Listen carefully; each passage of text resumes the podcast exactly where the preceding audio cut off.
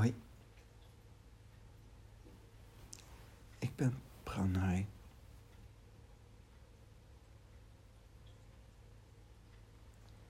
In de taal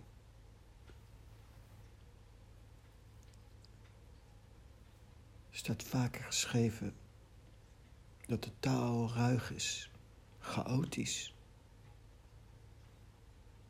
wild. En dat is zo. En dat is een bepaalde bepaald onderdeel. Die als je die laat bezinken, wat moet je daarmee? Je enorm kan helpen. Het leven is chaotisch en wild. Heel ruig. Bijvoorbeeld in Romeinen 8, vers 36. Ik pak hem nu even uit de Groot Nieuwsbijbel.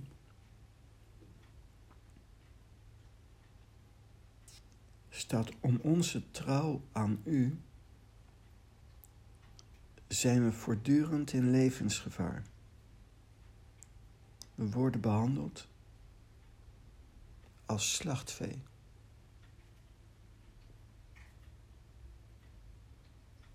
Dat klinkt vrij bedreigend, vrij heftig. En zoals bijvoorbeeld ook nu met corona, is dat een best wel bedreigend iets. En we hopen dat het zo snel mogelijk over is. Voorop gezegd, ik ook. Ik hoop dat er zo min mogelijk slachtoffers vallen en dat het zo snel mogelijk weg is. Maar even, zeg maar, als we gaan vergeestelijken En dus een dimensie dieper gaan in ons innerlijk. Wat moet je daarmee?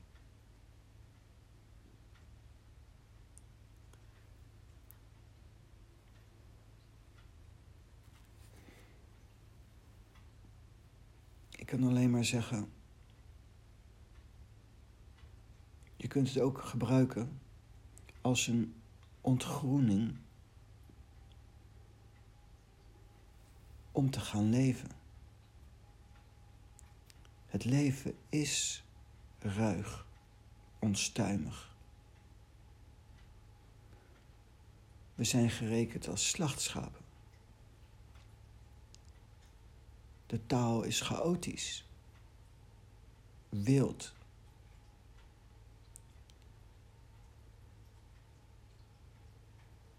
En dat blijft het. Eén is natuurlijk. Probeer je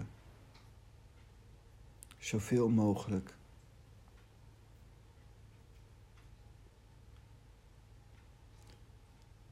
uit de vuurlinie te zijn. Je gaat de goden niet verzoeken. Dus je moet de goden niet verzoeken. Je moet het niet opzoeken. Maar dikwijls zoekt het jou op. En dan word je onrustig. En van binnen heb je dan een onrustig gevoel. En dan raakt iedereen van de leg. En dat is niet de weg. Dat is niet zen. Dat is niet de taal.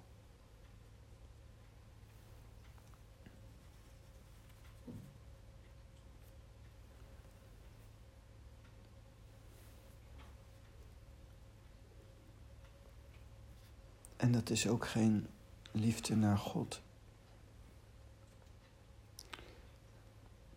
Geen vertrouwen.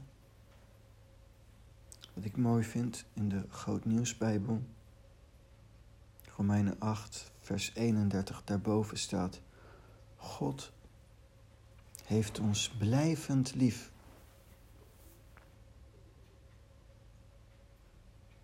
Enerzijds we zijn gerekend als slachtschapen.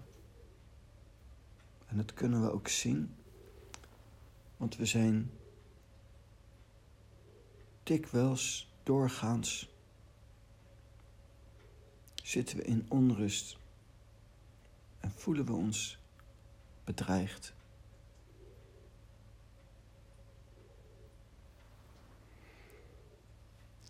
Maar je moet beseffen dat je dat niet kunt vermijden. En uiteindelijk kun je ook de dood niet vermijden. En dus laten we eens wat pinpointen op intern wat je dan doet. Wat doe je eigenlijk met die sensaties als ze in jou zijn? Angst, onzekerheid, boosheid, verdriet, ook verlangens. Wat doe je daarmee?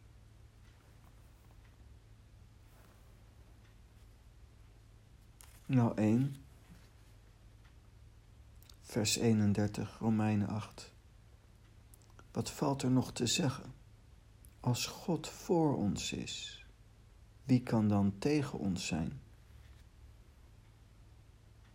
In het christendom, hij heeft zijn eigen zoon niet gespaard, maar hem uitgeleverd om ons te redden. Als hij zelf zijn zoon heeft gegeven, zal hij ons al het andere dan ook niet geven?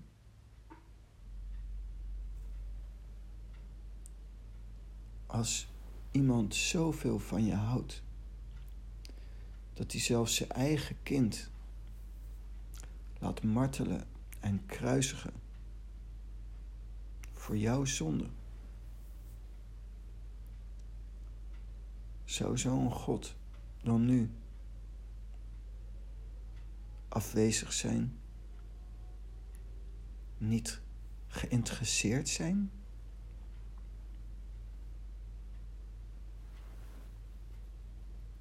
Dat is één, pinpointen op het feit dat de weg volmaakt is. Dat God ons blijvend lief heeft.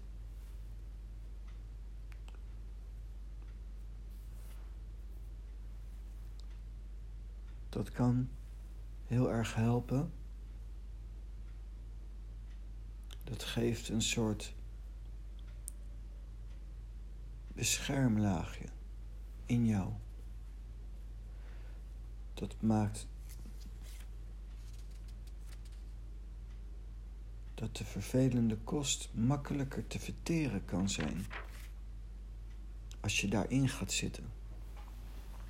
Romeinen 8 zelf staat leven door de geest. Want dat is eigenlijk waar het om gaat ook.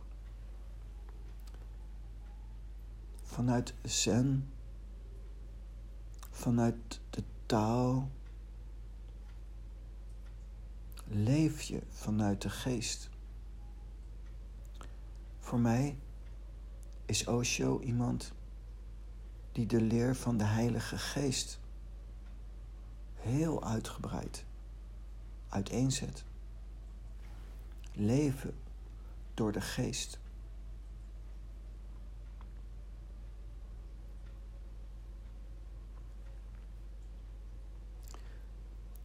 Ik lees voor uit de Grootnieuwsbijbel Romeinen 8 vanaf vers 1. Maar nu is het anders.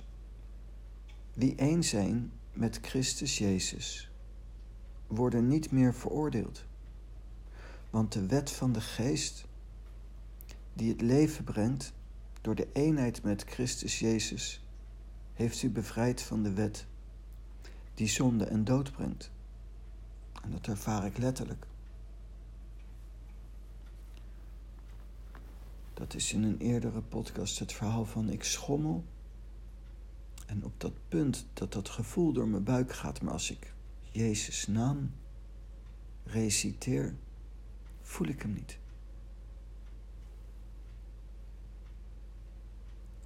Leven in de geest, door de geest. Ontslaat je.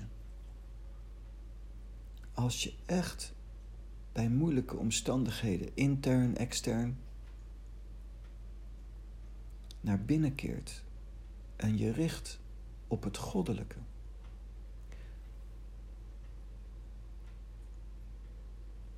Dan kun je voorbij je persoon raken. Terwijl je persoon gewoon in moeilijkheden zit. Als je te veel in je persoon zit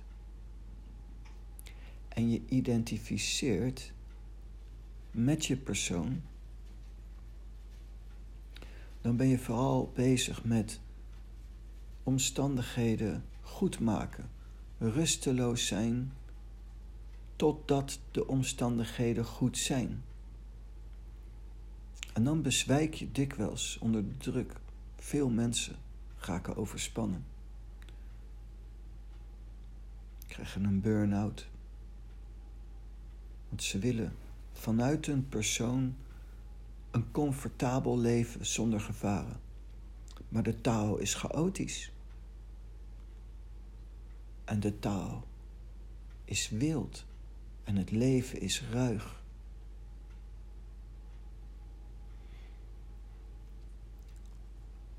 Los van corona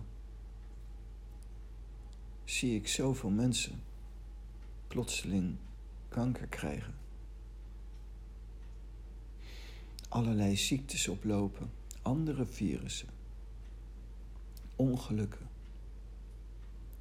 verdrukking, in verschrikkelijke omstandigheden zitten. En uiteindelijk iedereen zie ik doodgaan. Er is ook niemand die niet dood zal gaan.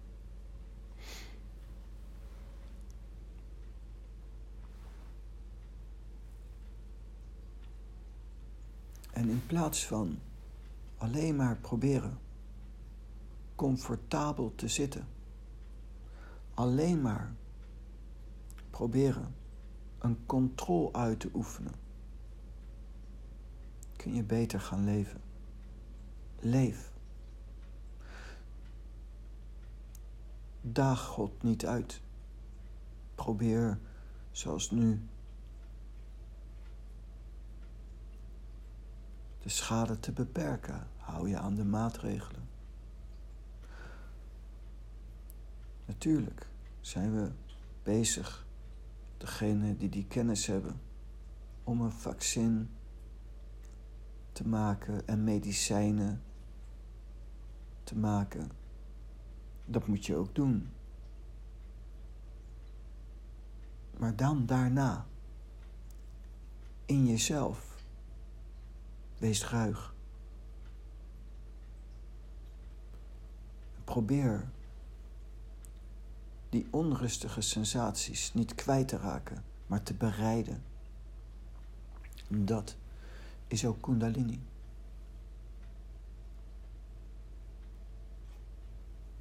Kundalini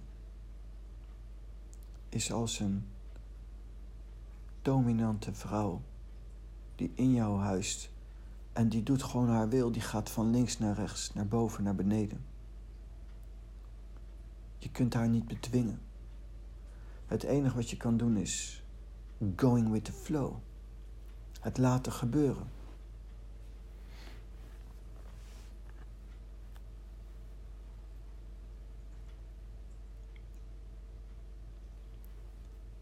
Zoals paardrijden in galop gaan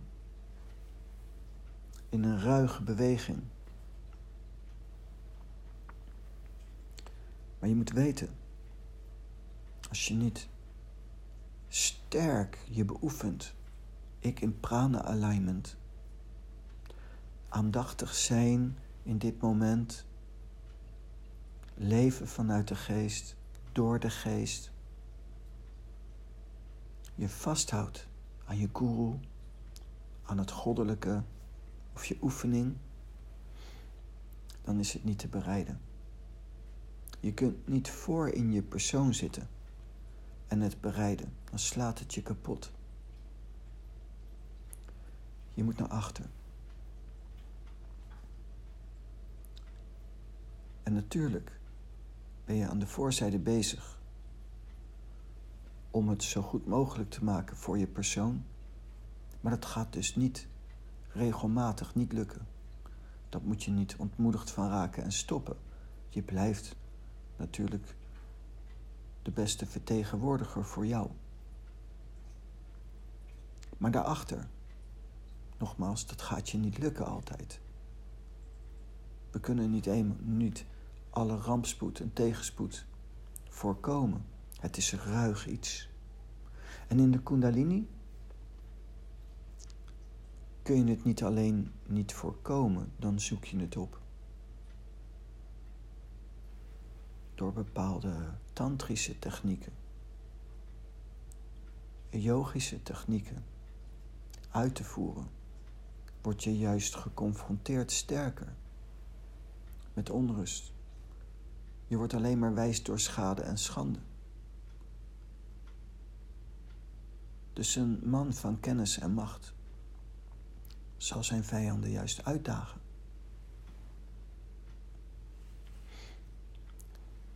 Speciale technieken om intern geconfronteerd te worden met elke vorm van moeilijkheid en onrust en tegenspoed. En die leren bereiden. Niet oplossen zodat het er niet is, maar bestendig raken. Probeer niet op dat niveau daar in een toestand van rust te komen. Je moet bestendig raken. Als je blijft vechten met jezelf en dat je alleen rustig bent als het goed is of dat je weet dat je het kunt overzien, ben je wezenlijk nooit rustig. Daarom zeggen ook veel yogis: als je echt gelukkig wilt zijn, moet je sterven terwijl je leeft. Dat is een bepaalde ruigheid. Intern. In jezelf. Dan wordt het leven ook leuk. Ook in moeilijke tijden. Het is ook uitdagend. Het is ook leven. Het leven leeft. En dat is gaaf.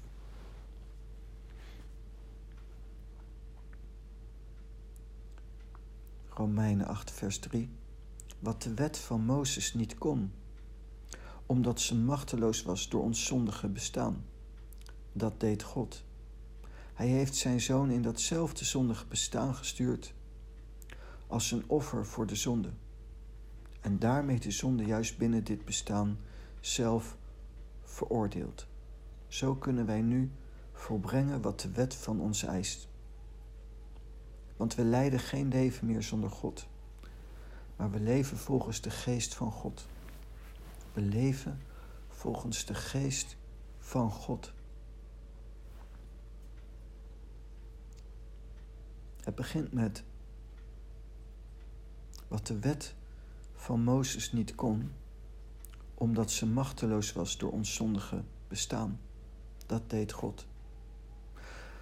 Ook zeker in het leven, maar zeker ook nog sterker in de spiritualiteit. Als je je beoefent in meditatie of in godsdienst, dat je je band met God probeert te versterken. Dan ga je die proberen te versterken door de wet te leren kennen en je daar ook aan te houden. Dat moet je ook doen en dat moet je ook blijven doen. Je kunt dat niet verzaken. Maar dan, terwijl je dat doet en het telkens niet lukt, dat kan ook niet anders. Wat de wet van Mozes niet kon, omdat ze machteloos was door ons zondige bestaan. Wij zijn nou eenmaal zondig. En we redden het ook niet. En daarop moet je niet naar guilt, niet naar schuldgevoel, niet naar gevoel van mislukking en falen, niet in een hopeloos gevoel belanden. De geest gaat hier zo bij de bewustwording dat je je uiteindelijk, ondanks dat je je best doet, dat het je niet lukt, dat je dan niet naar guilt gaat. Je gaat niet naar guilt.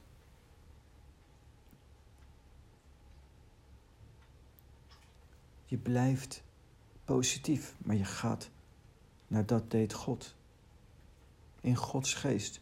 Leven door de geest. Daar ga je naartoe in zitten.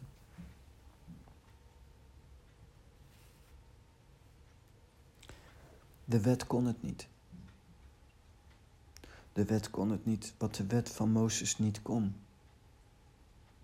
Die wet is niet in staat. We moeten er wel door blijven doen. Daar kunnen we onze poging, onze devotie, onze liefde laten zien en demonstreren. En ook oefening baart kunst. We worden er wel steeds beter in. Maar ga niet vragen van jezelf, ondanks dat je het wel moet door blijven beoefenen, dat je een 10 gaat halen, want die ga je niet halen. En raak daardoor niet ontmoedigd. Maar besef dat het je moet brengen, terwijl je door blijft oefenen, naar een leven door de geest. Mindfulness.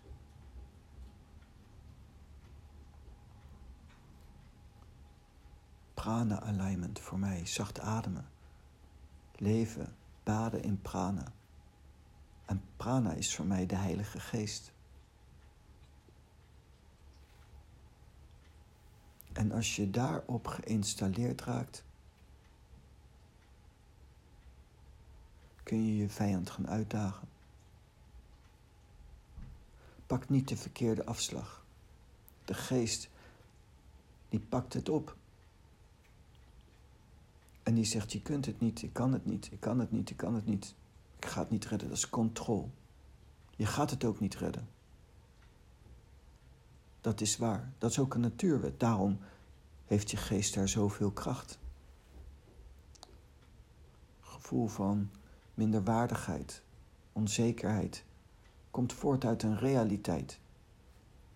Je redt het ook niet.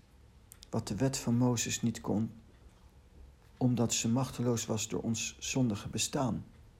Maar ga daarmee niet naar guilt, maar naar God.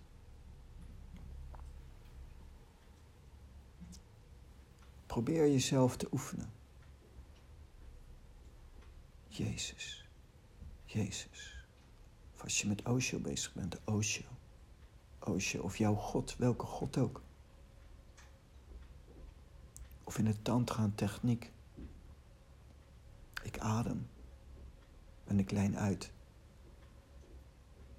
Ik leef in aandacht, in dit moment. En die geest, leven door de geest, is sterker. Als je leeft vanuit de geest, ontslaat het je van je wet, van de wet, maar blijf wel dooroefenen. Zo verrijk je je persoon steeds meer. Maar je gaat het niet redden.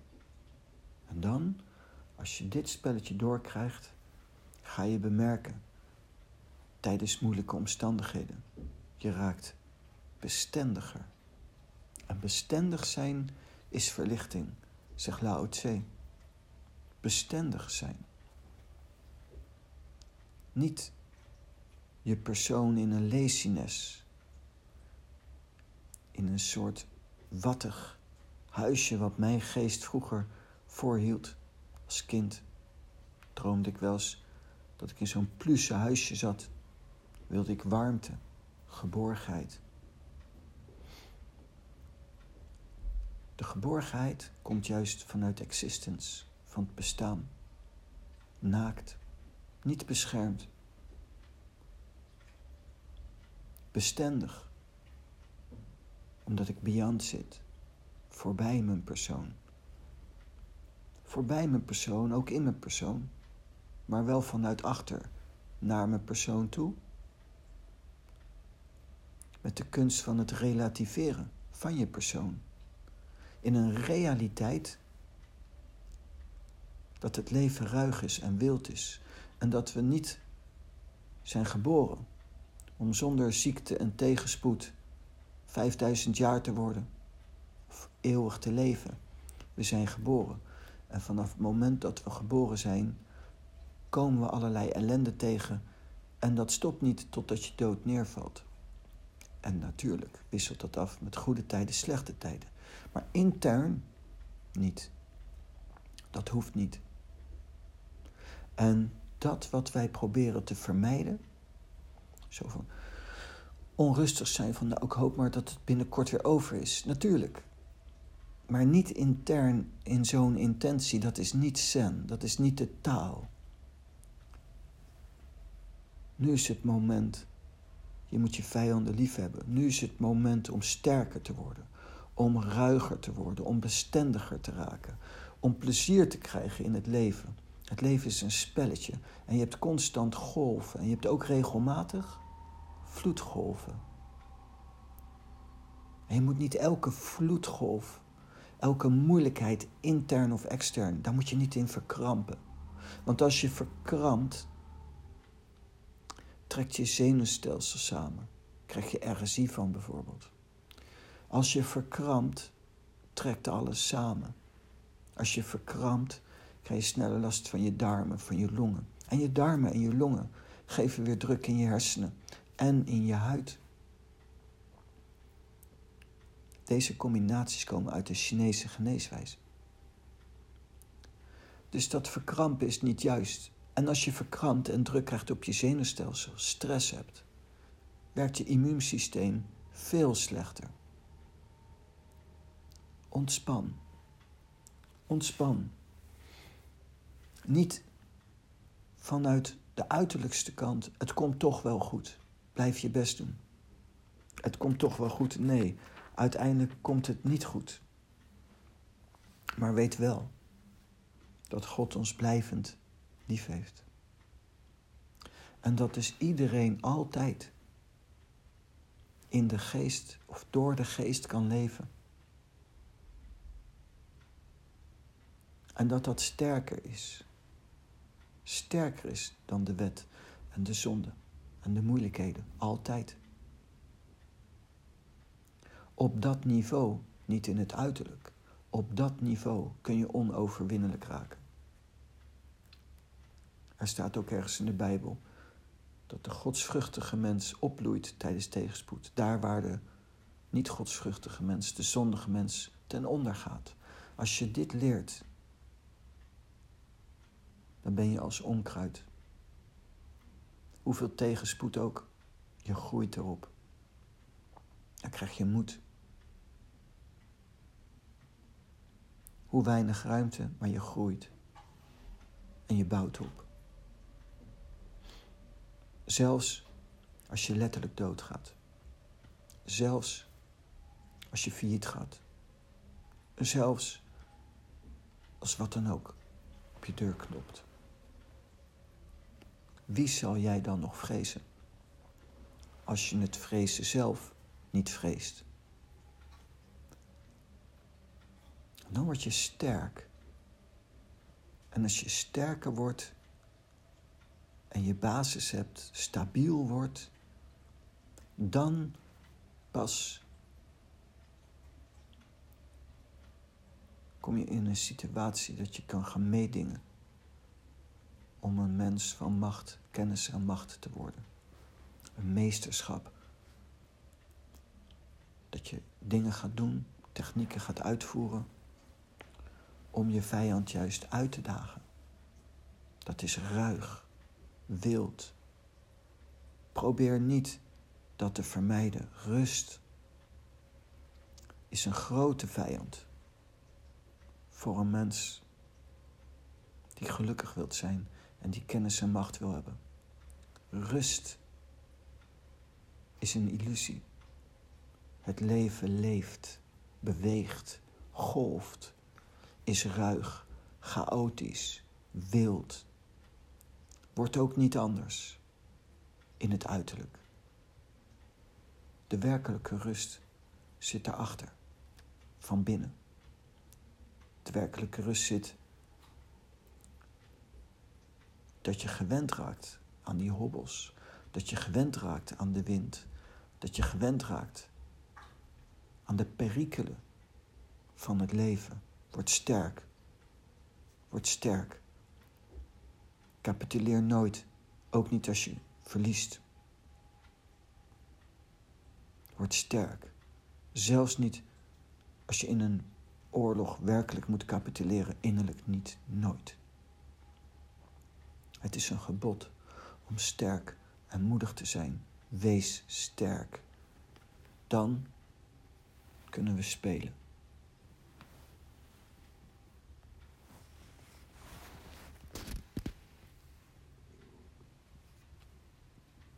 Nou, dat.